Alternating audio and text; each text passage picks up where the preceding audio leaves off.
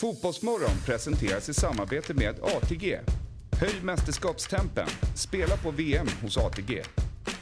Simors sändningar från fotbolls-VM. Streama från 249 kronor i månaden. Carlsberg. Alcohol free.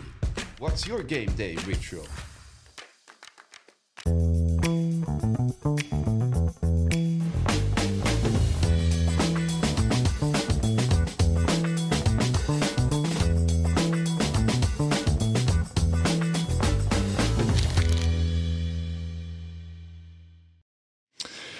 God morgon och eh, varmt välkomna till Fotbollsmorgon nummer 92. Det är söndag den 11 december och jag, Axel Insulander, sitter här tillsammans med vår VM-nestor Christian Borell och Superettans bästa mittfältare Samuel Lidsholm som har på sin Sunday Club-tröja idag. Ja, ja, tack, jag hade ju den förra söndagen och eh, blev uppmärksammad här av, av Nestorn och då tänkte jag men då får jag väl ha den varje söndag då. den gör mig glad faktiskt. Kul. Den är, den är lätt, alltså, det, det, jag förstår att syftet är det för det är en enorm sol med, med en smiley på. Men, Eller om det är en blomma till och med kanske. Ja. Eller en kombination. Men det gör mig glad i alla fall. Tack, vad kul. Ja, det är väl en liten copycat på, på Fjälls Äntligen Måndag så att, eh, det får bli lilla Sandys Club. Just det, för lördagarna och söndagarna är ju dina nu. Eh, precis, och måndagarna är hans. Ja. Jag jobbar mig, två dagar mot en här. Och är Lite som Christian, rift du- när man tar över ett land. Så börjar med två och kommer mot ett. Och du sitter ju med i båda lägren då. Ja det, ja, det gör jag ju bevisligen. Eh, Intressekonflikt. svar ja. Har du någon favoritdag på veckan? Favoritdag? Ja.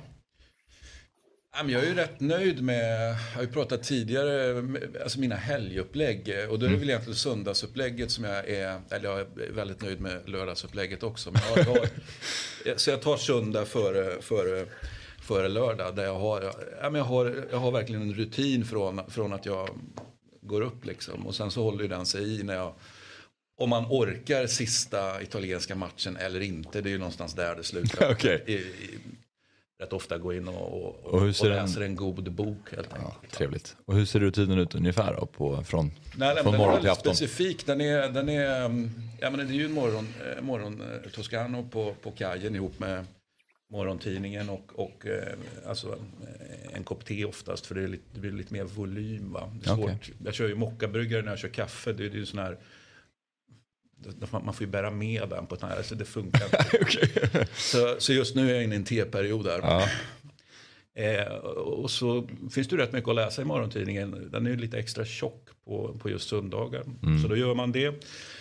Sen in pluggar man på Rai Som då har morgonprogram. Och sen så eh, eftersom det är söndag så, så är det ju på Rai då. Och det är ett katolskt land så är det ju viktat åt, åt den övningen då. Va? Så eh, eh, finns ju en, eh, alltså mässan kom ju 11 och den tycker jag är väldigt så behaglig att ha på eh, någon, någon pratar vackert språk och, och det sjungs och så vidare.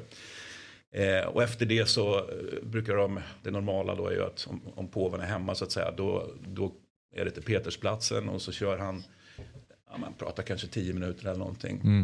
Och så slutar det med att han eh, önskar trevlig lunch liksom. Och då tar man ju till sig det, börjar någonstans förbereda det. Tvättstuga 11 till 15.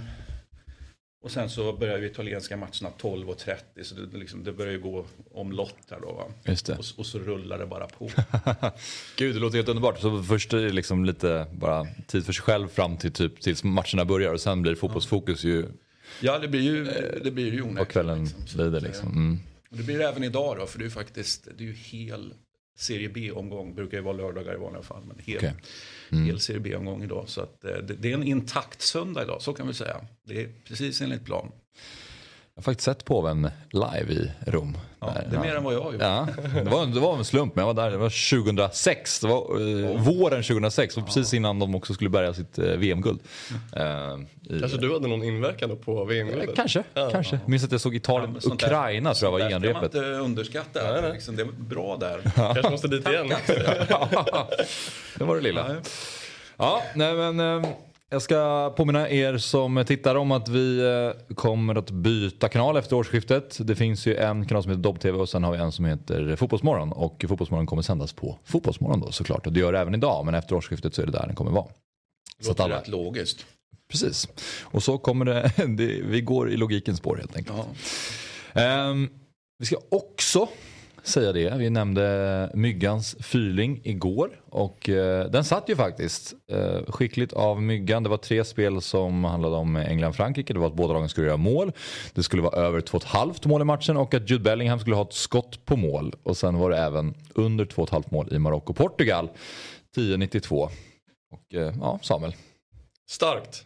Väldigt starkt. Jag trodde ju inte på Nej. en målrik match med England-Frankrike. Men, eh, eller över 2,5 mål, men det blev det. Det blev det. Så att, eh, snyggt Myggan och grattis till alla er som ryggade Myggan i, igår. Lite headlines innan vi börjar prata fotbolls-VM. Vi ska ju också ringa upp Adam Pintorp alldeles strax som är i Marocko i Casablanca och höra hur stämningen var där igår. Men eh, Manuel Neuer var och åkte skidor och Onödigt. bröt benet. Ja, det var onödigt. Ja, det är väl minst sagt symboliskt får man ju säga. Det, det, och sen kan man ju inte låta bli annat än att, att fundera över, får han åka skidor enligt sitt kontrakt? Alltså det förvånar mig, jag tar för givet, alltså på den nivån att, man, att, att det finns inskrivet, jag vet inte exakt liksom ordalydelser, men, men eh, jag, jag skulle gissa, eh, alltså i min värld så får han inte åka skidor. Men, men eh, ja, Också svårt att se det. Eh, det var, Jag, som, jag berättade som lite har här proffskontrakt. innan, lite innan sändning. Jag vet inte exakt vad som står i mitt kontrakt, det kanske är dåligt. Men jag tror vi har någon slags klausul för just skidor och andra aktiviteter då som är liksom det blir något försäkringsärende att bryter du benet så, så du får inga pengar, du får ingen lön liksom. Eh, och du får inget då av Försäkringskassan. Men vi hade då när jag, när jag spelade ungdomsfotboll, jag var typ 15 så åkte alla i Stockholm till Romme. Eh, någon dag på årets skolorna det vill säga.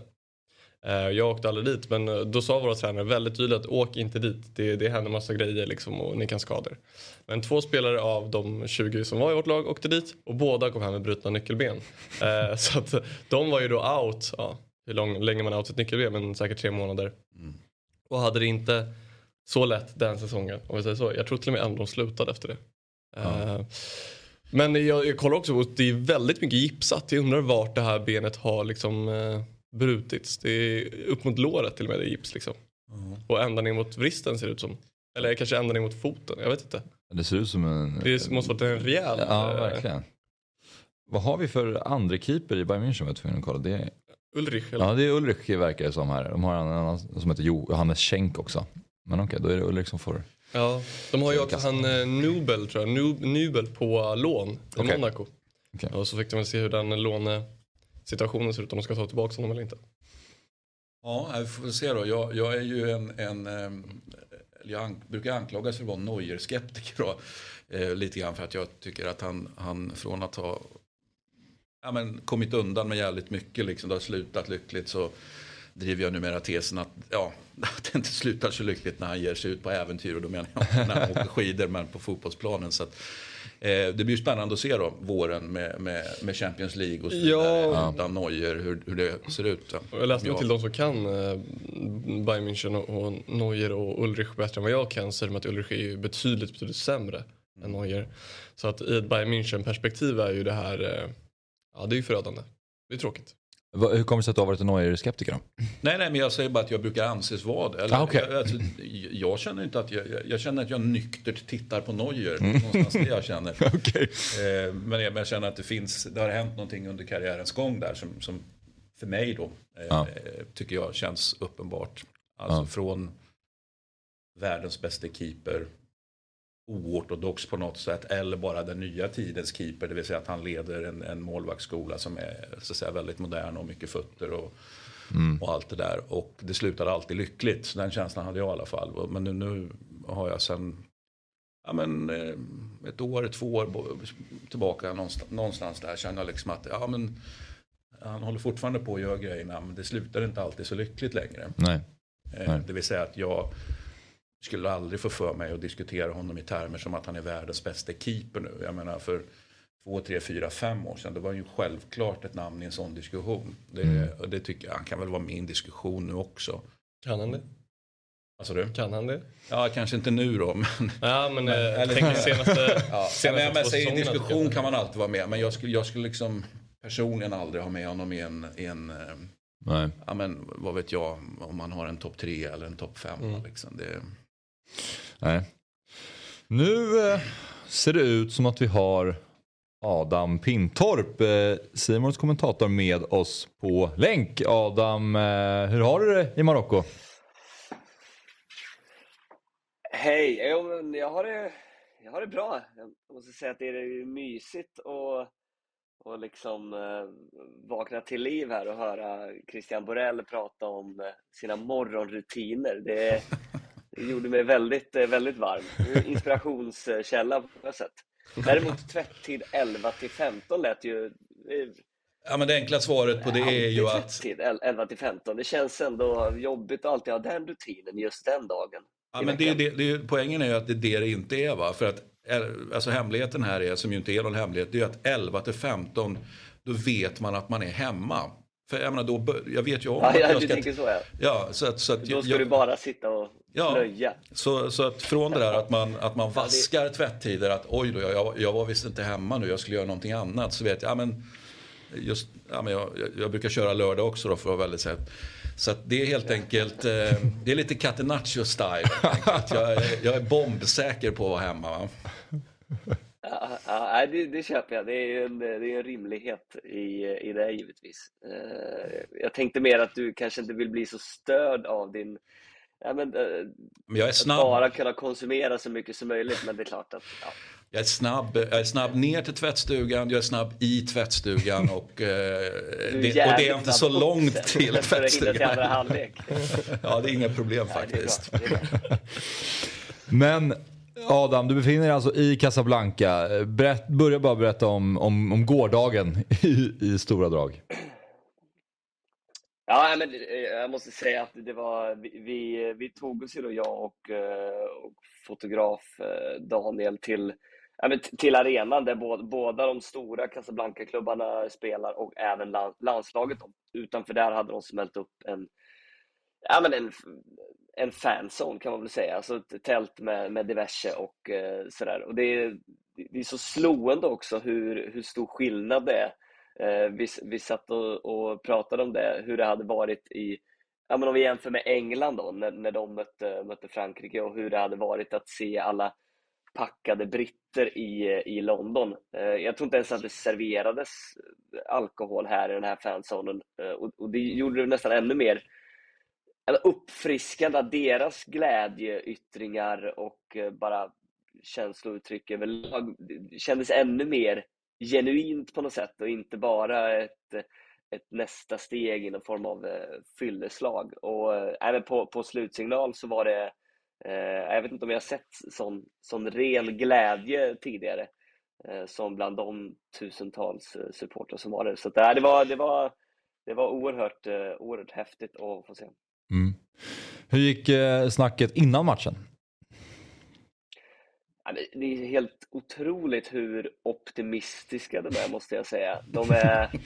Eh, de har ja, lyssnat det, på det, Fotbollsmorgon. Mm.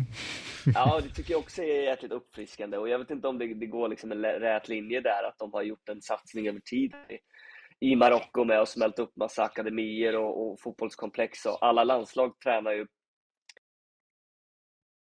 anläggning som är eh, som är otroligt stor, som ligger utanför eh, huvudstaden eh, Rabat, där de har ja, toppfaciliteter. Och det, de, de, de, har gjort mycket rätt från förbundets håll och investerat mycket i det här. Och Det är väl kanske en del av det som vi ser effekten av nu. Då. Men det känns som att det har verkligen satt sig rätt hårt rotat hos alla supportrar för att de, de, har nog, de har gått och väntat på en framgång men den kommer inte som någon överraskning. Varenda, varenda människa vi pratar med känner att ja, men det är klart att vi ska spela kvartsfinal, vi ska spela semifinal. Det är klart att vi ska slåss om medaljer nu. Det är, det är en tidsfråga.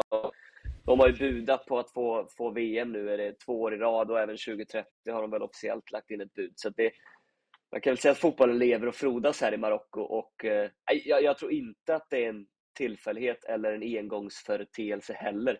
Eh, vi får väl se, det kanske dröjer innan de når en semifinal i VM, men, men att de kommer vara med och slåss eh, på sin kontinent om de stora, om de stora medaljerna framöver. Det, ja, det tror jag verkligen.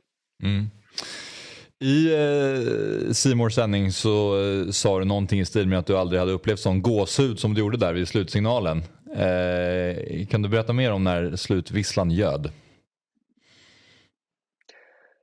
Ja, men det var, vi, vi, vi stod eh, li, lite bakom kan man säga för att få, få så, mycket, så mycket folk i bild som möjligt under själva matchen. Men sen så strax innan slutsignalen så tänkte vi att fan, nu, nu, eh, nu tar vi kameran och så går vi, går vi rakt in i smeten. Och, jag vet inte, det kändes som att, kändes som att jag leviterade typ. Det, det var nästan som att jag klev ur min egen kropp under några sekunder. Jag vet inte vad det var. Det var något det var helt episkt rus eh, som eh, varade i, jag vet inte, mm. Nå, någon minut nästan. Nej, det, var, det, var, det var overkligt faktiskt. Och jag,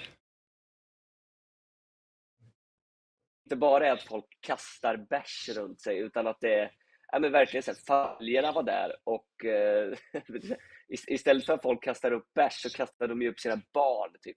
Mm. Eh, och det, ja, det var, var häftiga scener. Mm. Och första afrikanska land till semifinal i fotbolls-VM. Hur mycket märkte man av det där eller pratades det om det, att det var en, en del i det? Jo men så är det ju. De är, de är också ganska snabba, det beror väl lite på vem man pratar med såklart, men de, de, de känner väl precis som spelarna och förbundskaptenen eh, Regragi pratade om också, att de, de känner stöd från dels då hela kontinenten Afrika, men också hela arabvärlden. Så det känns ju som att, som att det, är, det är enormt många människor. Jag vet inte jag vet inte vad det uppgår till, men vi, vi, det känns som att en miljard människor håller på, på Marocko i det här eh, mästerskapet. Eh, jag, jag, kan tänka mig att det märks av också om man är, om man är inne i den där bubblan. De får, de får kanske kämpa med att sålla ut rätt flöde av information för att försöka eh, omfamna det och, och, ta styrka av det. För att eh, det, det är väldigt många som, som håller en tumme för Marocko givetvis. Eh, så att, eh, det är oerhört stort. Och de är, de är rätt stolta över, över just att bära den, den fanan, både för, för hela Afrika och, eh, och hela arabvärlden. Det, det, det märks av, de är, de är snabba på påpeka det. Eh, Spanien först och sen eh, Portugal. Två länder som rent avståndsmässigt eh, nästan är grannländer också med Marocko. Två länder som båda koloniserade Afrika en gång i tiden. Hur mycket pratades det om det? men inte så mycket. Belgien kan väl också läggas till där och jag menar det finns ju flera i landslaget som är födda i, som är födda i Belgien som är där nu, så de har ju verkligen sprungit på mm. nationer och motståndare där det finns en, en historik som, som, som både handlar om politik och eh, sträcker sig väldigt långt tillbaka i historien. Men jag tror ingenting kan mäta sig med det som, som kommer bli i semifinalen ändå. Nej. Det var, det var alldeles uppenbart när vi, vi skulle stå och sända eh, sända live väldigt sent igår, typ i 23-tiden och då var ju precis eh, Frankrike klart. Eh, och alltså, folk som sprang förbi, de, är, de är, blir besatta när det kommer fram en kamera och eh, även, det var liksom mycket hatiska ord mot, eh, mot Frankrike. Det var nästan som att det övergick under en liten kort period från att bara hylla sitt eget land till att hata lite extra på, på Frankrike. Så att, eh, Nej, men det var, det var någon gång av någon gång mitten 50-tal va, som de, som de, eh, Eh, så de eh, svor sig fria från Frankrike. Och eh, alltså i vissa franska, franska städer, så ta Marseille eller ta vissa, vissa andra, andra städer i framförallt de södra regionerna. Och jag såg bilder även från Paris igår. Alltså, det, jag, jag kan tänka mig att det kommer vara rätt speciellt där under semifinalen för att det finns så oerhört många med nordafrikanskt påbrå där. Så att, mm nej, vissa städer så, jag, jag, vet inte ens om det, om, det, om det på allvar kommer kännas av att det är Frankrike man håller på där. Eh, så det, det kan nog, det kan bli, kan bli häftigt. Och nu går de för VM-guldet? Ja, ja, vad fan. Har de, har de, har de kryssat mot VM-finalisten mm. för fyra år sedan och slagit ut Belgien, Spanien, Portugal. Då är det väl bara att köra. Mm. Nej, de, de, är, de är väldigt optimistiska faktiskt. Eh, sen det är klart att en medalj hade betytt oerhört mycket oavsett eh, vad det hade varit för, för valör, det, det förstår man ju. Eh, och nu, det är klart man håller, på, håller en tumme att de faktiskt åtminstone löser en medalj här. Det, alla förstår att det, de, är, de, de är underdog så att det mm. sjunger om det mot, eh, mot Frankrike här. Men det har de ju varit i rätt många matcher. Så är det på pappret och på förhand och i, i allt uppsnack. Så att, eh, det, är väl, det, det, är väl kanske att det börjar tryta lite nu med alla skador de har. Eh, och att eh, ja, men kompetensen och bredden inte riktigt lirar på samma sätt som den gör i kanske ja, men Frank exempelvis då, som, som mm. kan byta ut en världsback mot en annan mer eller mindre. Eh, mm. Men äh, de som kom in och fick lira igår var ju, var ju otroligt, otroligt bra får man säga. Deras, deras sätt att försvara och freda egna målet är ju ändå rätt imponerande. Så att, nej, de, de kan nog gå på inspiration och störa även Frankrike. Mm. Om de hade åkt ut igår, hade det inneburit att du hade varit på väg hem till till Sverige nu. Vad, vad, hur ser det ut för din del? Kommer du vara kvar där och vara kvar i Marocko under semin? Uh, jag, jag, vet faktiskt inte. Uh, det enda jag vet är att jag inte ska hem idag, vilket var tanken. Uh, okay. vi, ska, vi, ska, vi ska iväg och göra, göra ett annat jobb. Det, det, det, var det senaste jag hörde. Samtidigt igår, innan vi, vi gick och la oss, så, så fick vi beskedet om att inte boka någon hembiljett. Så jag, jag tror att de ska överlägga lite och mm Ja, vi, vi får se. Men, eh, så originalupplägget var alltså där att, eh, att, att, att, att bolaget trodde på eh, marockanskt stryk. ja, ja. För att vara väldigt tydlig. Och en, en, en, ändå att vi skulle vara här, men det var att skapa stämning inför och sen så mm. bara depp. Det var Nej, vi, vi, får, vi får se. Vi ska, jag ska, jag ska, vi ska ha ett litet möte här om, om någon halvtimme eller så, så får vi, får vi mm. se vad som händer. Men Ja, det är klart. Det blir ju, det, den semifinalen kan ju bli eh, oerhört speciell av många anledningar. Frankrike, Marocko. Och några dagar till eventuellt då i Casablanca låter inte helt fel det heller. Nej, alltså eh, blir, blir det, om det blir så så får vi, då får vi ju då får vi hantera den situationen. Jag har knappt kläder eh, till det, men okay. det, det, det är väl problem som är lätt att lösa. Gå ut på marknaden bara bor ju 3-4 miljoner människor här så att jag gissar att de också har de kläder att köpa. jag tror det också. Eh, Adam, ja, marknaden, ja, ja, mat har de definitivt att köpa. Fan, det, är, det är overkligt stora portioner. Är, ja. ja. Stolta över sitt couscous här. Alla hävdar att de har bäst. ja, vi pratade lite couscous i vår watch igår faktiskt. Ja, nej, men, eh, tack för att du var med Adam. Och eh, får hoppas att du får vara kvar där och hänga kvar fram till semin. Ja, vi, vi får se. Vi får se. ha det fint Adam. Ha det bra. Hej. Ciao. Ja, nej men... Eh, vad, vi ska prata lite fotboll då. eh, vi pratar lite om, om stämningen i Marocko och kring hela matchen. Men vad var det som gjorde att Marocko vann mot Portugal igår, Samuel Lidsholm? Ja, en, eh, en eh, helt enorm eh, kämparinsats som är liksom... Och man, med det sagt ska man verkligen inte förringa deras anfallsspel. De spelar otroligt bra fotboll och målet de gör är jätte, jättefint. Men de har ju en offervilja som är brutal. Alltså de, de, de, jag tror de spelarna i landslaget och landslaget märker själva att som Adam var inne på att de spelar inte bara för Marocko, vilket kanske är deras största stolthet. De spelar för kontinenten Afrika och de spelar för arabvärlden. De spelar för alltså, hundratals miljoner om inte någon, någon miljard som liksom hejar på de här. Och, och sen har de ju ett fantastiskt stöd på läktaren men eh, jag tror liksom någon slags alltså patrioterna i det här marockanska landslaget att de känner stolthet över att spela i Marocko och vill göra allt för deras för deras lycka är det som tar dem så här långt. Ehm, men med det så spelar de ju också väldigt rolig fotboll eh, mm. emellanåt. Ehm, mm. Men framförallt offerviljan skulle jag säga. Mm.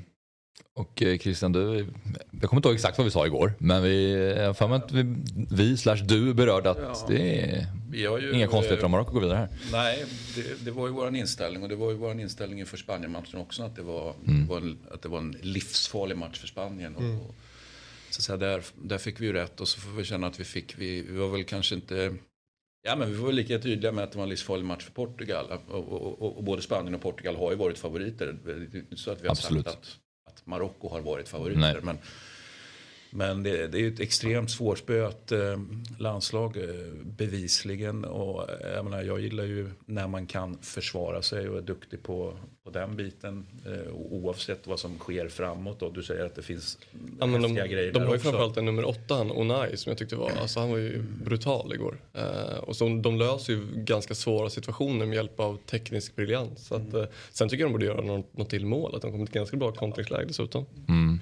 kan jag hålla med om. De, de, har, eh, de, de kan vara mer kliniska framför mål. Det har, det, det har ju varit i flera matcher där man har känt att, ja men vänta nu, det var ju friläge här, skulle, skulle inte haft ett mål till. Men menar, det är svårt att klaga. Ja, ja, de, de är vidare va, men, men jag förstår vad du menar. Ja. Att, eh, Jag menar, det är inte en tillfällighet att de gör ett den här matchen utan eh, Nej. det fanns ju chanser att både, både göra två och kanske tre.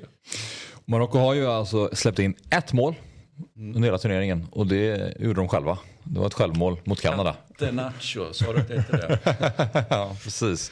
Och vad påminner det väldigt mycket om då? Apropå det du precis pratade om, 06. Ja, alltså pratar vi Italien. Italien. Ja. Ja, där har vi ju ett Sacardos självmål. Ah, Okej, Sen um, som är så pass sen detaljmässigt sen så, inte. Ja. så, så stänger ju Buffon så att säga. Sen stänger de. Släpper de bara ett i det VM? Alltså spelmål. Okej. Eh, Åh fan. Ja, för de slår Tyskland i semin där med 2-0 minns jag. Och, ja, Australien vinner de väl också med straffmålet där. Ja. Mm, så att det är... Att jag kommer att tänka på det var, Ja, var ett ja. självmål då helt enkelt. Mm. Precis som- Så att eh, shit, här finns det ju teknik och allt möjligt. Det är alltså ingen motståndarspelare som har gjort mål på Marocko under mästerskapet. Helt enkelt. Och sen vi, vi ser en bild här också på, som Kalle kan skicka upp den, på Enesiri när han gör 1-0 mot Portugal. Och eh, det är en ganska hyfsad spänst han bjuder på Samuel. Herregud. Alltså det, det där, jag, jag vet inte heller så här. Det är ju otroligt gjort av Enesiri. Han kommer ju högre upp än vad, vad Costa gör med armarna. Men, Men det finns ju något här som är. Går du ut som målvakt får du sänka spelare eller ta boll. Du kan inte missa båda kan jag känna. Mm. Eh, och framförallt så Ruben Diaz har inte en chans här. Men eh, jag vet inte heller. Nu ser man ju inte. Ashraf Hakimi ser vi här i bortre bild att han är i straffområdet. Men sen tror jag att det är Pepe, Ruben Diaz och Guerreiro bakom. Man kanske ska ta upp löpet för att Enesiri kommer ju med en extrem fart. Mm. Går du och möter honom innan han får hoppa först. Då kommer inte han upp där. Men nu får han hoppa först. Gör det extremt bra. Mm. Men eh, jag skulle säga att det är lite nonchalant av Portugal. ja, men jag håller med. Och, och svag insats av, av, av, av keepern som ju ställer till det för, alltså det är ju, när man tittar på bilden så är det lätt att och tycka, ja, man, kan landa i att, att Ruben Diaz är, vad, håller han på med för någonting? Mm. Han, är, ja, men, ja, men han blir ju rädd för egen keeper, det är min absoluta take. Så att han, ja men i något läge, jag vet inte om han duckar, men, men, men liksom han, och, det är inte hans fel. Nej. Han kommer bevisligen inte, han kanske inte hade kommit tillräckligt högt upp ändå, det tror jag inte. Nej, det tror inte jag heller. Men, men, eh, men keepern liksom plockar ju ut sin egen spelare också. Mm. Det är i alla fall så, så jag ser på det. Ja. Precis. Ska han ut där överhuvudtaget? Det kanske räcker med att stå kvar bara. Ja, sen är det ju en väldigt bra nick. Jag vet inte om han skulle rätta men jag tänker mer att han, han ställer till det som vi sa för Ruben Diaz. Och, Mm. eh, ja, som sagt, ska du ut där som målvakt då får du väl ta spelaren också. Kan jag tänka. Det är väldigt sällan du får, det var väl Chesney och Messi emot oss som du får straff på sådana där grejer. Utan Mm. Målvakterna är ju väldigt skyddade. Men också bra gjort av Enesiri och det är häftigt Extremt. och, och eh, man har följt honom lite grann i Sevilla och känns som att det varit väldigt ojämn spelare. Ja, absolut. Det, förra säsongen var väl sådär. Säsongen innan var han ju riktigt bra. Gjorde 15 eller 17 mål eller någonting sådär i liga. Eh, och jag tyckte att, jag hade inte sett Enesiri innan den säsongen och tänkte wow, det här är en forward. Men fick jag höra från bland annat Adam och andra som mer kunniga på just Enesiri att han är extremt ojämn. Det fick vi se säsongen efter att han, han blandar och ger väldigt mycket och är väl i dagsläget eh, en reservspelare i Sevilla.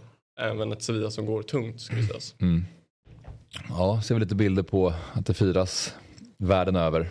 Eh, Marockos avancemang till eh, semifinal. Men eh, lite mer om, om Portugal bara då, innan vi lämnar matchen. Eh, Cristiano Ronaldo återigen bänkad. Cancelo på bänken.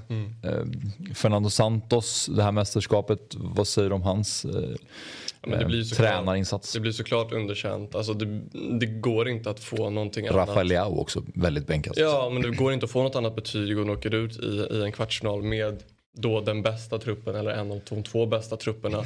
Eh, så går det tyvärr inte att få något annat betyg än underkänt. Och Lyckan med att spela Gonzalo Ramos 3 plus 1 mot Schweiz, fantastiskt. Eh, bevisligen så blev det inte lika bra den här gången. Skulle man gjort det en gång till. Han hade ett, ett bra nickläge. Som, jag säger inte att Ronaldo hade satt den för att man känner ju inte igen Ronaldo numera. Men eh, jag vet inte. Han spelade ett högt spel och förlorade skulle jag säga. Mm. Eh, och, där, och att bänka Leao. Och vad fick Leao? 20 minuter eh, i den här matchen. Och det första han gör är att komma förbi sin spelare och skapar ja. en hörna. Så att, eh, jag vet inte. Jag kan tycka att eh, Fernando Santos, eh, ja han ställer ju till det för Portugal i det här mästerskapet. Det här mm. var, de hade bättre trupp än så. Mm. Vill du addera någonting Christian? Alltså jag är väl inte nödvändigtvis beredd att ge honom underkänt. Utan, eh, men, men däremot så känner jag att Fernando Santos tid är över nu. Och det enda jag tänker på nu det är ju, för förr eller senare ska ju José Mourinho träna Portugals landslag. Alltså oavsett mm. i vilken form och, och, var i karriären eh, José Mourinho befinner sig så ska han träna landslaget. Jag var helt övertygad om att, att det var han som skulle ta när, när Santos klev på nu senast. Eh, för, för, för, det liksom var ja, men typ riggat för det. Och, och, så, och, av olika anledningar så blev det inte så. så att, mm. eh, men tycker du att det är godkänt att han åker mot Marocko en kvart? Ah, jag förstår vad du säger, alltså men, menar, men underkänt. Jag, jag, men, ja. ja. jag vet inte riktigt. Jag, jag, jag älskar modet att bänka Ronaldo till, till exempel. Mm. Sen, sen ja, det, det, vi säger så här då, det var onödigt den där storsegen. En annan käpphäst liksom. Det smyger sig in saker hit och dit och jag sa ju att Ramos inte skulle göra ja. något mål. Så att eh, Men, ja. Eh, med fast i hand så, så onödigt stor marginal mot Schweiz då. Ja. Mm, jag kan bara tycka också att i den här form av forceringsfasen som nästan var hela andra halvlek. Mm. Så tycker jag att man, man spelar ju till en början Ramos, Ronaldo kom in ganska snabbt. Och då är ju idén att du ska spela någon form av två forwards. Här ska vi, liksom, vi ska utmana deras fyrbackslinje här med att trycka in bollar och vi ska kunna vara fler i straffområdet. Men Ronaldo har ju jag vet inte om det är att han vill för mycket, att han liksom känner för mycket inom sig eller att han är machotränad eller vad det kan vara. Men han positionerar ju sig, det som han alltid har varit överlägset bäst i världen på, att positionera sig i straffområdet den, det är ju obefintligt. Han har ju inte en, ett enda bra läge förutom då djupledsbollen. Men jag menar i straffområdet i form av inläggssituationer. Mm. Där brukar han hoppa upp och han, han skapar ju alltid lägen på de här match, äh, i de här situationerna. Men där är han ju, han är ju alltid för långt ut eller för långt bak när inläggen ska spelas in. Och jag vet inte riktigt vad det är. Det är bara extremt sorgligt att se att mm. Han blev bänkad sina två sista matcher i, i, VM. Det är förmodligen det sista han gör på internationell scen. Han kommer sen förmodligen gå då till Al Nasser. Och vad, vad som händer där kommer ju ingen ha reda ja, precis. på. Liksom. Vad säger du Christian om Cristiano Ronaldos ja, Jag, jag tycker han gjorde rätt. Jag, menar, han, han, eh, jag, jag, älskar det här att han, att han satte fokus på sig själv och, och, och med den här intervjun och, och fick breaket. Och, Eh, sen var det frågan då, skulle han kunna leverera en sista gång eller skulle han inte kunna göra det? Jag menar, så rent åldersmässigt och, så, så, och, och formmässigt så har man väl känt att ja, men det kommer han väl kanske inte göra fast han är fortfarande duktig på det som du säger. Eh, alltså, det, det nya Cristiano Ronaldo-spelet. Eh, men med fast i hand så blev det som, som, som bortblåst här. Men jag, mm. jag gillar ändå hans upplägg med, med att sätta press på sig själv. Jag tror att det var, hade han inte gjort det tror jag inte det hade fungerat överhuvudtaget. Alltså, och det kanske inte gjorde nu heller då, va? men jag tror inte att det hade liksom blivit något annorlunda utfall om man hade varit mer low key, aldrig gjort den där intervjun, inte lämnat United. Eh, det tror jag liksom inte har påverkat honom eh, negativt. Jag, jag, som då har liksom ett litet svagt hjärta för Ronaldo med tanke på hans tid i Real Madrid eh, tycker ändå att det är synd att United och Ten Hag här får rätt någonstans de får rätt i att han ja, i intervjun, jag tycker den var, var, intressant och rolig, men ger ju väldigt mycket skit åt United och Den Haag. Eh, men eh, i och med det han presterar här i ett lag som är, liksom, ska vara absolut bland de två bästa i VM så han är inte i närheten av någon slags nivå som inte heller är godkänt tyvärr. Nej. Och det gör ju också då att Ten Hag och United får vatten på sig kvarn att han liksom, ja. Förmodligen hans eh, sista VM då. Kanske om eh, José Mourinho tar över och plockar ut honom om fyra år. för en Ja, ga- gammal de- vänskap. Jag tänkte säga, och, och för, för en viss agents, eh, inte bara vänskap utan ja, precis. böcker och hela det Den inblandningen ja. Ja men han ska väl få ett, av, är med? Han ska väl få ett avsked i alla fall. Oavsett vem det är som sätter sig på den eh, tränarbänken. eh, Så ska han väl få en, eh, alltså det är klart han ska få gissningsvis hemma i Portugal eh, någon slags adjö. Det, det inbillar jag mig att han ska få. Men jag, jag hör ju också att det är mycket skepticism som, som kommer från Portugal. Att man är, ja men liksom att fans är kritiska och allt det där. Men jag tror ändå att man kommer att så att säga, bortse från det och se till att han får en, en, ja, men den hyllningen som han ju ska ha på hemmaplan. Ja, precis. Man blir lite nyfiken nu nästa kommande landslagstrupper om det blir så att han successivt dessutom slutas tas ut bara. Och Ja, EM om ett och ett halvt år. Får se vad som, Ja, alltså, som, det är inte omöjligt att han är med som du pratade om Christian. Men det är också, jag tänkte bara flika in det, det är extremt många förbundskaptener som fått sparken efter det här mästerskapet. Mm. Eh, jag vet inte hur det har varit tidigare mästerskap men det känns som att folk har lagt förväntansbilden på sina nationer väldigt högt då eftersom det är så pass många förbundskaptener som redan har rykt direkt efter vissla. Och då tänker jag ju Fernando Santos, van Gaal, Tata Martino, Enrique. Tite gick, eh, Tite lämnade själv. Ja, lite, ja eller sparken eller Ja, ja, mm. Men, eh, och det är säkert någon, ja, Roberto Martinez också. Det är, och vad är det, fem, sex stycken som egentligen på slutvissla inte får vara kvar på sitt jobb. Kanske också Fernando Santos. De skulle flyga till Lissabon och utvärdera det nu. Så att eh, det, ja, tyckte jag var intressant. Vi får se vad som händer med Gareth Southgate då. Eh, För nu ska vi prata lite England-Frankrike. De eh, förlorade ju igår, England. Och eh, vad, vad kände du kring, kring matchen Samuel? Det, de flesta tyckte att England var bättre än Frankrike. Det tycker jag också. Eh, jag tycker England var bra. Jag tycker Saka var jättebra. Jag tycker Kane Alltså Kane mot Upamecano blev ju en match i matchen som var alldeles för stor för Upamecano. Eh, men jag tycker matchen i sig hanterades bäst av England. Men det beror mycket enligt mig på att, att eh, Frankrike får det tidiga målet och väljer som Martin Åslund så fint skrev på Twitter, backa hem med sopan Deschamps. Då. Eh, Med? Sopan Deschamps. Eh, och eh, Martin Åslund älskar inte Deschamps. Nej, nej precis. Och jag kan förstå vad du menar för att den här backlinjen i, i England som fick ha väldigt mycket boll och styra och ställa är inte så bollskickliga. Så om Frankrike med deras pressspel hade kunnat störa dem högre hade de nog inte behövt, inte behövt bli så nervöst. Eller matchbilden hade nog inte sett ut så här, tror jag. Mm. Men jag håller med, jag tycker England var mycket bättre än, än vad Frankrike var. Ja, vad säger du om Didier Deschamps? Ja, först vill jag säga då med det sagt eh, från, från uh, unga herr Leach. Va? Så, Ja. så nu är vi på det här med, ja, men de gör en jättebra insats, men är Southgate en vinnare? Jag, jag vill bara vara väldigt tydlig med att eh, ja, men han, han oavsett vad som är bra och dåligt med hans tränargärning, han är ingen vinnare. Som tränare, det, det, det är min take.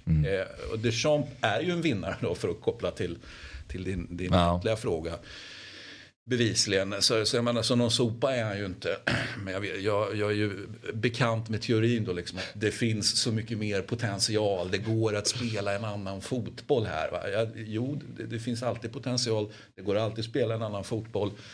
Eh, men jag har väldigt svårt att klaga på någon som, som faktiskt levererar resultaten. Och det gör ju Deschamps. Så att, så att jag, eh, ja, eh, jag håller honom väldigt högt. För att vara tydlig så tycker inte jag per se att han är en sopa. Jag tycker bara att det är, jag tycker det är roligt att Martin alltid uttrycker sig så på, på Twitter. Men eh, Ja, jag, det, det har han gjort on repeat. så Ja, att, eh, jag, jag tycker inte heller att han är... Eh, han är väl kanske lite som Zidane då, då, att man vet inte riktigt vad han gör men det han gör funkar. Ehm, Eller så är det han ska man som inte Fernando. Santos, fast, fast med lite mera flyt kanske. Jag, jag vet inte. Ja, Man får ju, det, det är ju liksom hyfsat liknande kritik kan man säga. Att, ja, men, Absolut. tryck på då, spela mer, ko- kolla spelarmaterialet, Mm. ös på mer. Eh, Så där tycker jag finns en likhet med Fernando Santos. Eh, Men, men Deschamps bevisligen vunnit, eh, vunn- vunnit, eh, vunnit mer. Eh, får man ju säga, varit mer framgångsrik på det sättet. Antoine Griezmann assisterade båda målen igår. Den första var väl en lite lättare assist, men det andra är ju ett väldigt fint, fint inlägg till Giroud. Eh, Det gör också att han är den som har flest assist någonsin för Frankrike med 27 stycken före både Zinedine Zidane och Henry på 26. Griezmann, blir man klok på honom Samuel? Nej, alltså, verkligen inte. Alltså, nej, du blir verkligen inte klok på honom. Jag vet inte, vad, vad har han gjort senaste sen senaste mästerskapet nästan. Ingenting. Han var i Barcelona för en obskyr summa och gjorde ingen glad där. Gick tillbaka till Atletico och fick spela liksom halva matcher för att de inte skulle köpa ut honom. Mm. Kom överens med Barcelona och nu spelar han väl då hela matcher men eh, i Atletico är han inte alls sig lik. Alltså, jag tycker att han är eh, ja, en skugga av sig själv. Inte Eden Hazard kanske men, men på väg ditåt i alla fall. Men här i landslaget så ger han ju sig själv verkligen upprättelse. Och, eh, ja, det är imponerande framförallt tycker jag också att hans arbetsinsats är, är enorm. Jag tycker att den är fenomenal. Eh, sen ha, att han har den här foten och den här poängproduktionen. Det är ju det som har tagit honom till Barcelona en gång för en och en halv miljard eller vad han nu gick för.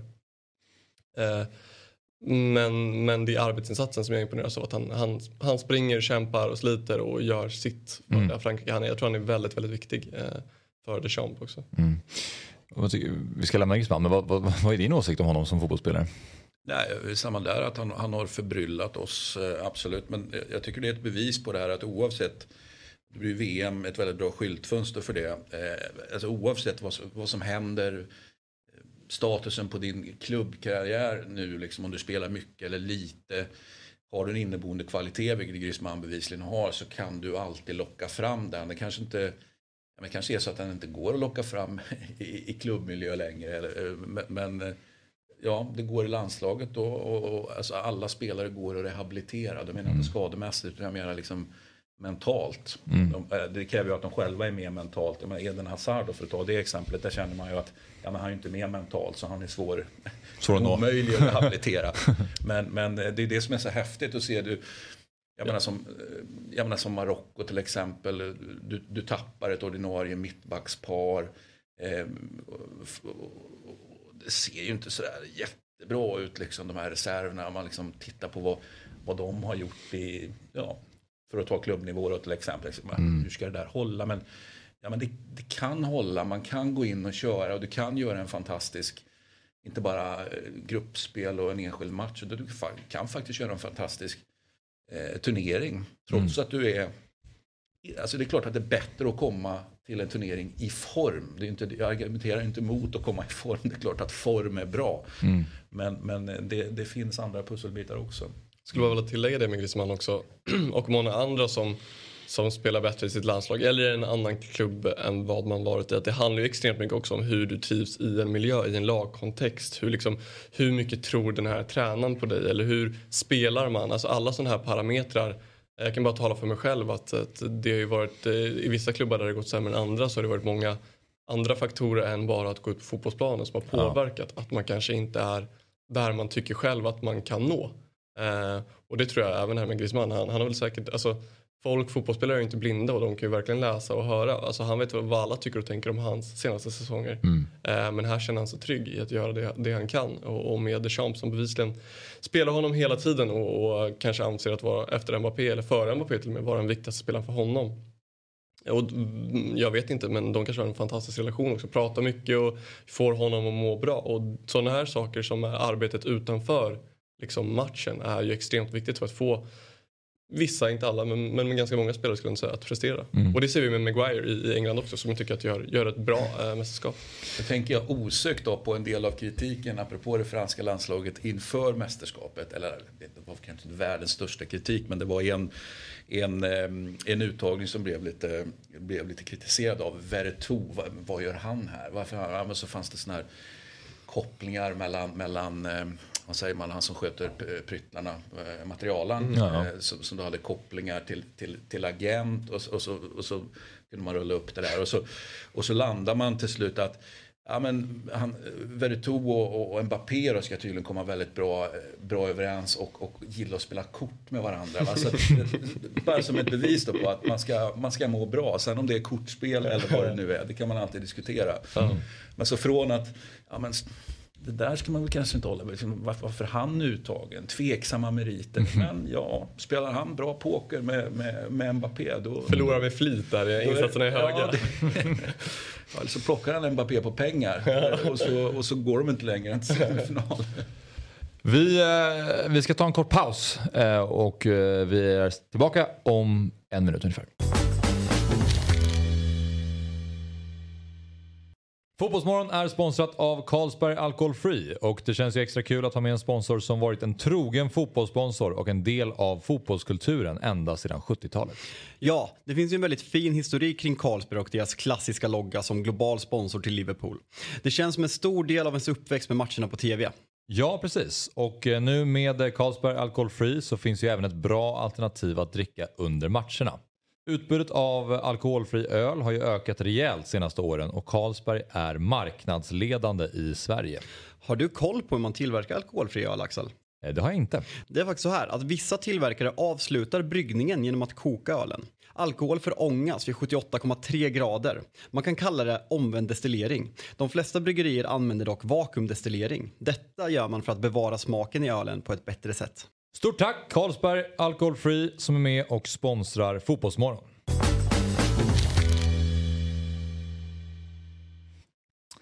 Det är söndag den 11 december och eh, det är Fotbollsmorgon nummer 92. Jag sitter här tillsammans med vår VM-nestor Christian Borell och BP's Samuel Leach Holm. Mitt namn är Axel Insulander och vi pratar om England mot Frankrike, matchen som slutade 2-1 till Frankrike.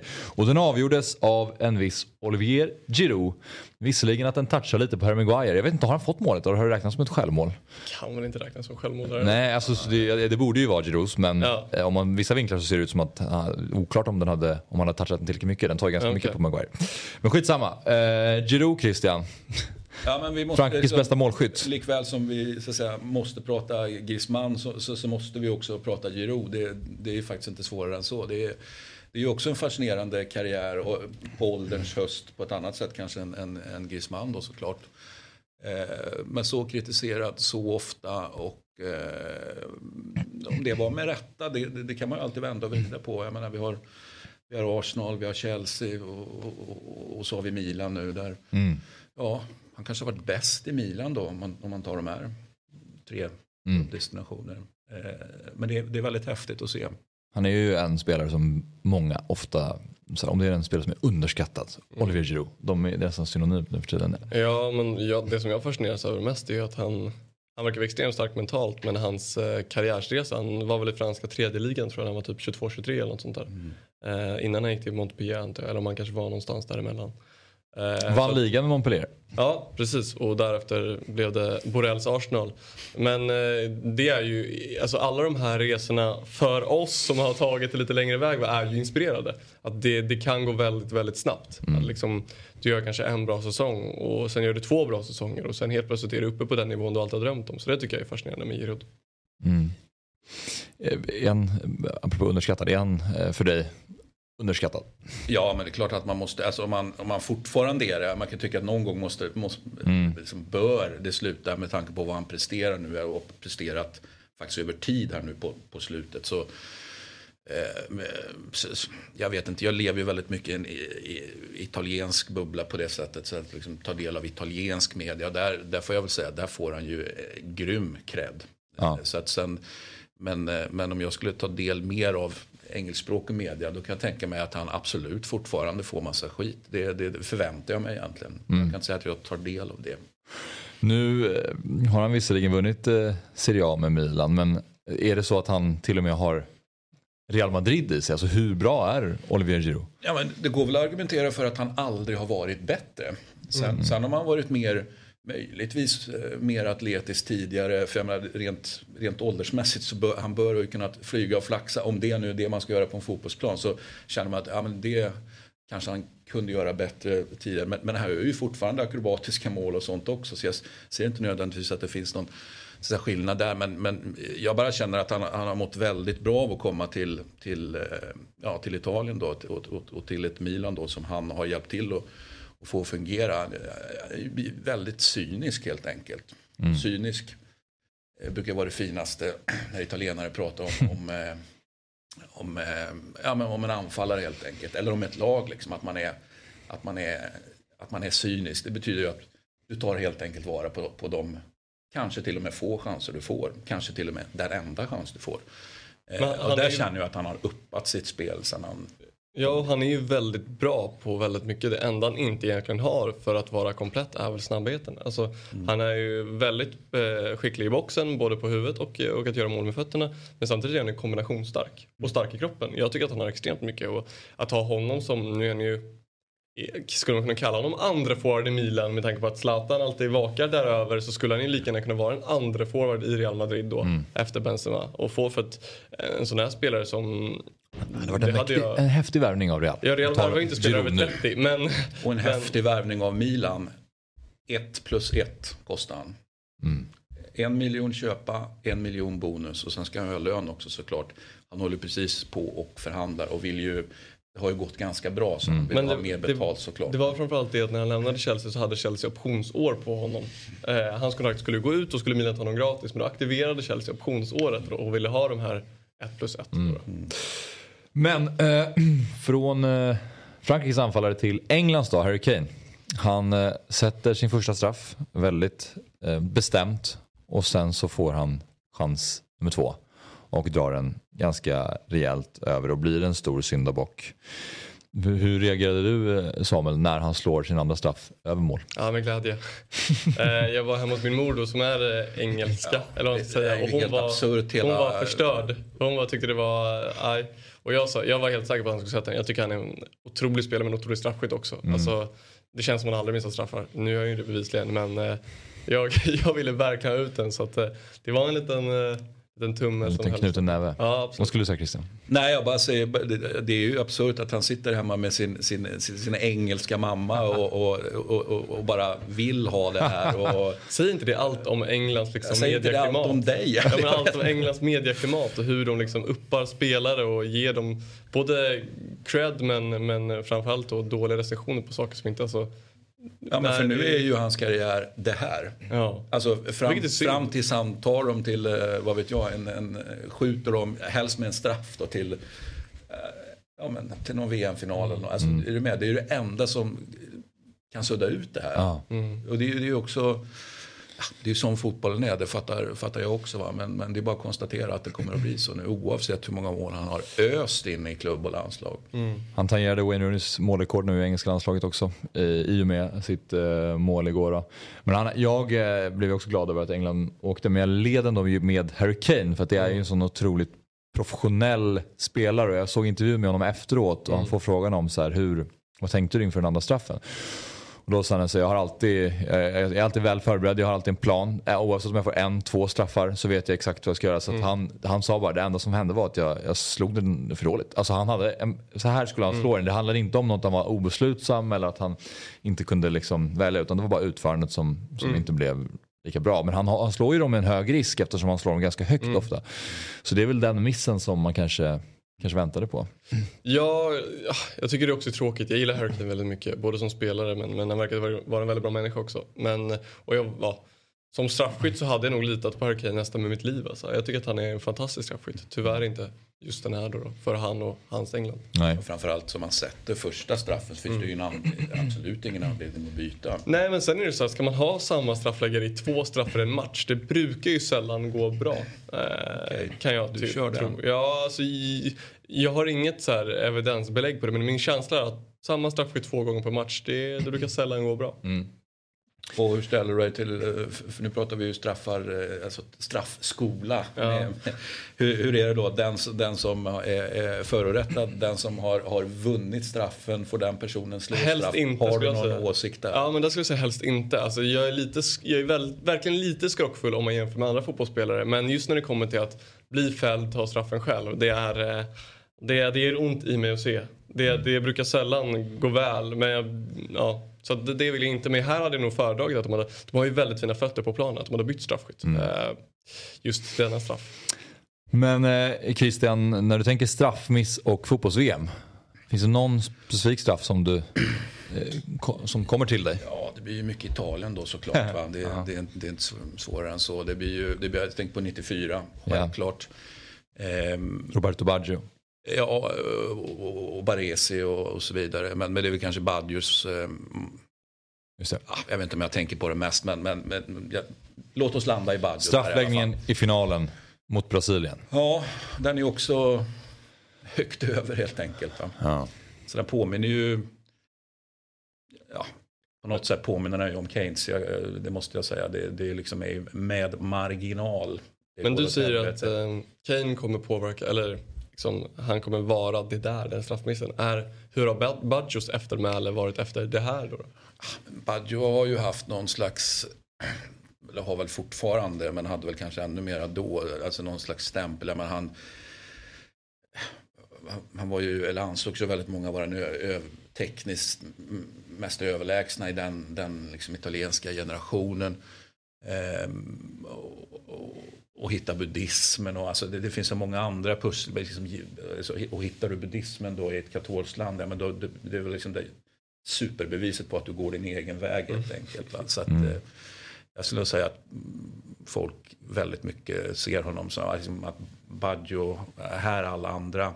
Mm. Liksom, och Baggio han går, han går en egen väg mm. där vid sidan om. Och man har stor respekt för, för den vägen.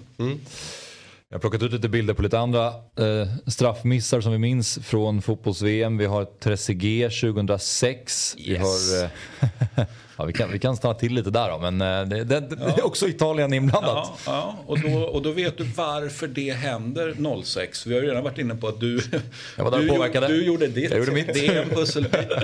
Eh, men så har vi också, alltså det här är ju direkt kopplat då till, till EM 2000. Där ju, eh, där ju Italien egentligen har fransoserna liksom i, mm. Ah, i fickan helt enkelt. Och sen så händer saker och ting där. Och där är ju spelaren i fråga liksom involverad. Så mm. jag, jag kommer ihåg att vara helt säker på eh, när, när det gick så långt och att, och att TCG skulle slå, slå straff mm. 06 då. ja. Självklart, nu, sitter, nu, är, nu är det karma, nu sitter bumerangen, nu ska vi ta det liksom. Så då var jag trygg. Så, ja, okay, Men jag ja. var trygg 0-0 också. Jag, jag tyckte jag hade väldigt bra feeling där. För då är det inte straffar, då avgör han matchen sent, är det så? Ja, det blir ju precis mm. på, på förlängning ja. och grejer. Så. Men den här straffmissen är i alla fall finalen 2016 mellan Frankrike och Italien och det är i straffläggningen som Trezeguet drar den i, i ribban. Ja. Och sen blir det Fabio Grosso som kliver fram och avgör. Som han gjorde i semin också mot Tyskland. Det enda Fabio Grosso är känd för, för, för vad säger man, millennialisterna eller vad säger man? Mm. Ja, oss millennials. Ja. Och vem vet, kan det vara så att han går upp i Serie A nästa säsong så mm. kanske man börjar tänka på honom i annat. Vi får väl se. Right. Mm. Spelar mot Pisa idag, bara en sån sak. Det är, det är ju ett liksom supertoppmöte faktiskt som, som jag ska hem och titta på.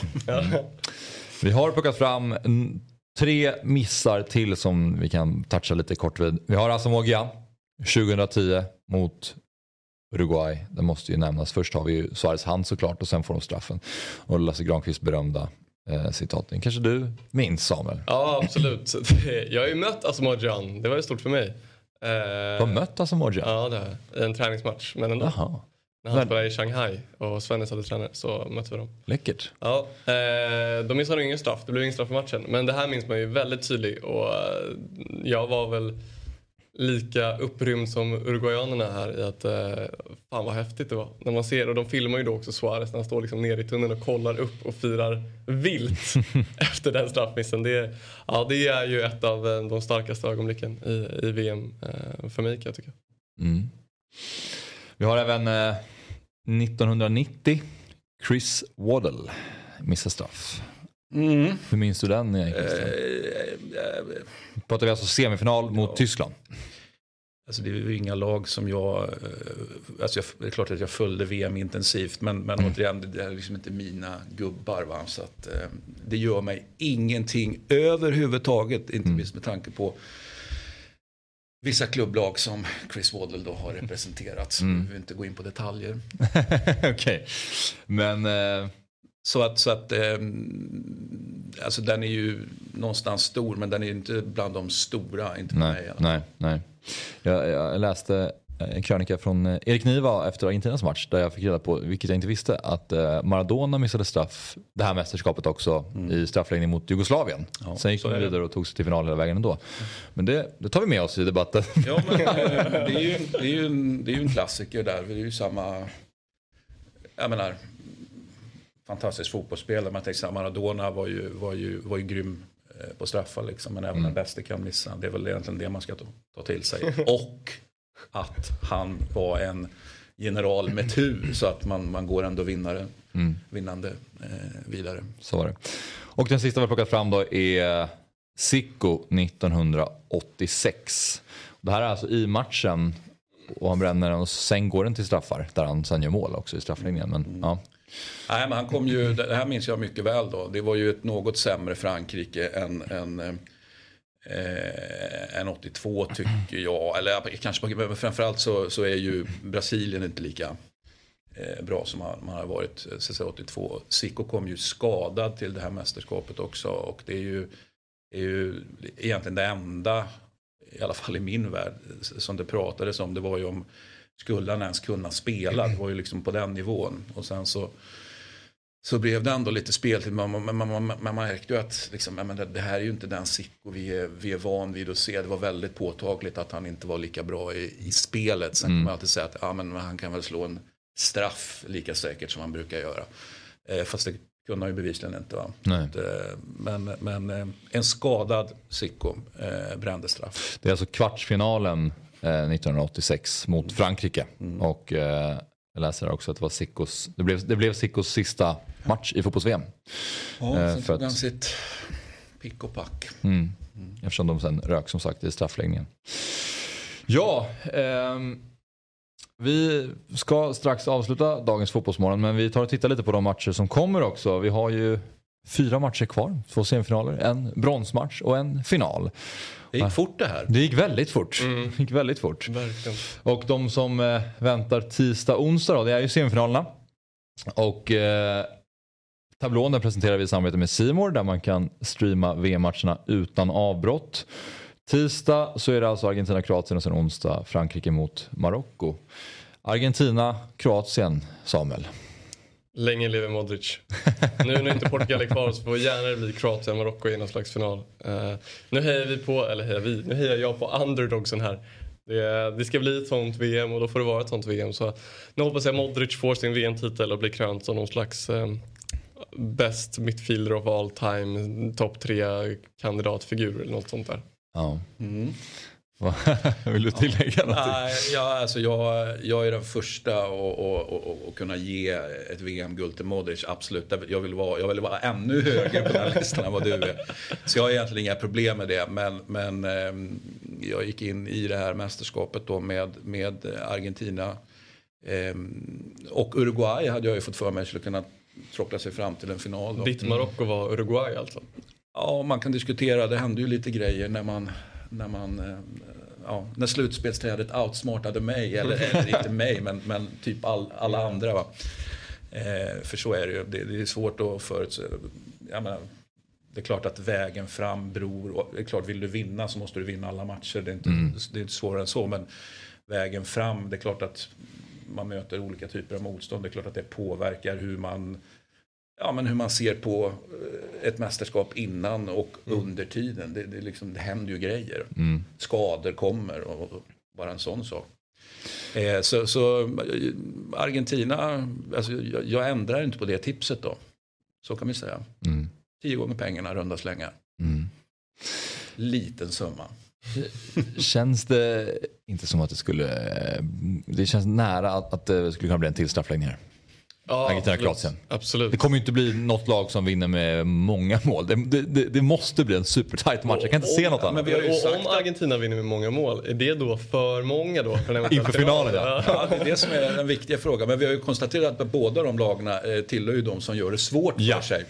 Så där ju gör det svårt för sig derbyt i semifinal. Så att, eh, så vilket, och, och, när vi då väntar att det eventuellt kommer att fortsätta, då kanske vi får ketchupflaskan här och råkar ut för någon slags eh, ja, olycklig grej inför en final. Då. Att någon vinner 4-0 här och så bara, uh, så blir det Bettar man på andra laget i finalen då? Ja, gissningsvis. Mm. Och sen har vi Frankrike-Marocko och eh, för Marockos del då har de alltså Masraoui och Aguerd borta. Saiz ut på, med lindat knä mot Portugal och så har vi Chedira då som tog eh, rött kort. Ja, det gjorde han ju eh, istället för att vara hemma och spela Serie B-fotboll med Bari så tar han, eh, tar han röda kort. Två gula på två min va? Eller var det? Alltså över Ja, det gick väldigt fort. Det gick väldigt fort. Tilläggstiden i... eh, Ja. Men jag är faktiskt jag är orolig här för den här matchen för, för vad som kommer att hända i Frankrike. Alltså, jag förväntar mig egentligen oavsett hur den här slutar Tumult. en massa våld helt enkelt. Ja. Jag kan inte komma fram till någonting annat. Jag hoppas såklart att det inte kommer att ske men, men eh, jag tycker det var extremt överraskande om det inte där så att säga, urartar. Ja. Nej, det känns som att det kommer bli Ja, så känns som det som intensivt hände i- utanför och på. Ja, det som hände i Belgien är väl... Nu ska vi inte säga att Belgien är mini-Frankrike, det ska man verkligen inte göra. Men det som hände i Belgien var väl en minidel av vad som kom, kan komma skall, vilket inte hoppas, i Frankrike då, då eftersom det är betydligt fler nordafrikaner i Frankrike än vad det är i Mm. Belgien. Ja, men... Eh, Supersemifinal. alltså, ja. jag är så jätte...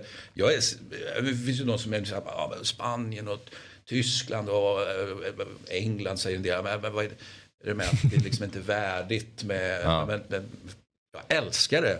ja. Jag saknar inte ett enda, eh, kanske lite Uruguay, men, men egentligen inte det heller. Jag tycker det, jag tycker det är helt fantastiskt som det är. Ja, ja. Vad är det optimala för dig? Om du ger mig fjärde plats, tredje plats, ja, och så andra och första blir det. Ja, men eh, fjärde plats då får Argentina. Just det, jag glömde att jag Fjärde med plats dig. Argentina, tredje plats eh, Frankrike, eh, tvåa Marocko, etta Kroatien. Ja. Då får vi någon slags skrällfinal. Vilken eh, final? Kroatien, varit- Marocko. Det är helt brutalt 2022 att det ska hända. Det får också lite så här tyst till er alla som inte tror att det mirakel kan ske längre. Ehm, men eh, att, att Modric får vinna nu, det, det hoppas jag mest. Och sen att Messi får eh, stryka på näsan då för Modric helt enkelt. Och loggar ut helt i bronsmatchen då. Det hade varit tråkigt om Marocko kom fyra. Måste jag bara säga. Alltså, Mm. När de ändå är. Kan de få en medalj bara? Det är det. det, är det. Och sen så vill jag såklart Argentina ska vinna. Men eh, vi får se Mm. vad som händer. Ja, Christian. Eh, nu har vi eh, jävlas lite med dina söndagsrutiner här då. Ja, Eller hinner du, ja, men jag, eh, okej, jag har lite kvar morgontidningen, ja. Eh, Okej, mm. Och jag har lite Toscano kvar också. Ja. Så, att, så jag uppfattar det inte som att jävlas. Jag, jag, det- det, här är ju en del av den nya söndagsrutinen. Ja. och, Ja. och för den delen lördagsrutinen. Så att, det här sitter som en smäck. Underbart, underbart. Du, du har tvättid om ungefär 50 minuter då. Så att, Ja, ja men 11 till 15. ja, just det. Och kanske inte jättemycket tvätt heller va? Jag tänker på alla andra i föreningen. Du, du kan komma sent. Alla andra i föreningen som någon gång vill tvätta söndagar av 15. Det De liksom- har det lite jobbigt. Ja. Det, det, det får man väl erkänna. Men eh, det gäller ju att vara, vara snabb med brickan. Va? Så är det. Den är viktig. Så är det. Ja, eh, tack för ett trevligt program. Tack så mycket. På eh, måndag, det vill säga imorgon, så eh, är det dags för Fotbollsmorgon igen. Och eh, då börjar programmet klockan sju eftersom det är vardag. Sen så kommer vi köra våra watchalongs eh, inför semifinalerna. Matcherna börjar klockan åtta på kvällen då, så att våra watchalongs kommer börja vid sju för er som vill följa oss på YouTube och Twitch. Men annars, som sagt, Fotbollsmorgon imorgon bitti 07.00. Tack för idag. Fotbollsmorgon presenteras i samarbete med ATG. Höj mästerskapstempen. Spela på VM hos ATG. Simors sändningar från fotbolls-VM. Streama från 249 kronor i månaden. Carlsberg. Alcohol free. What's your game day ritual?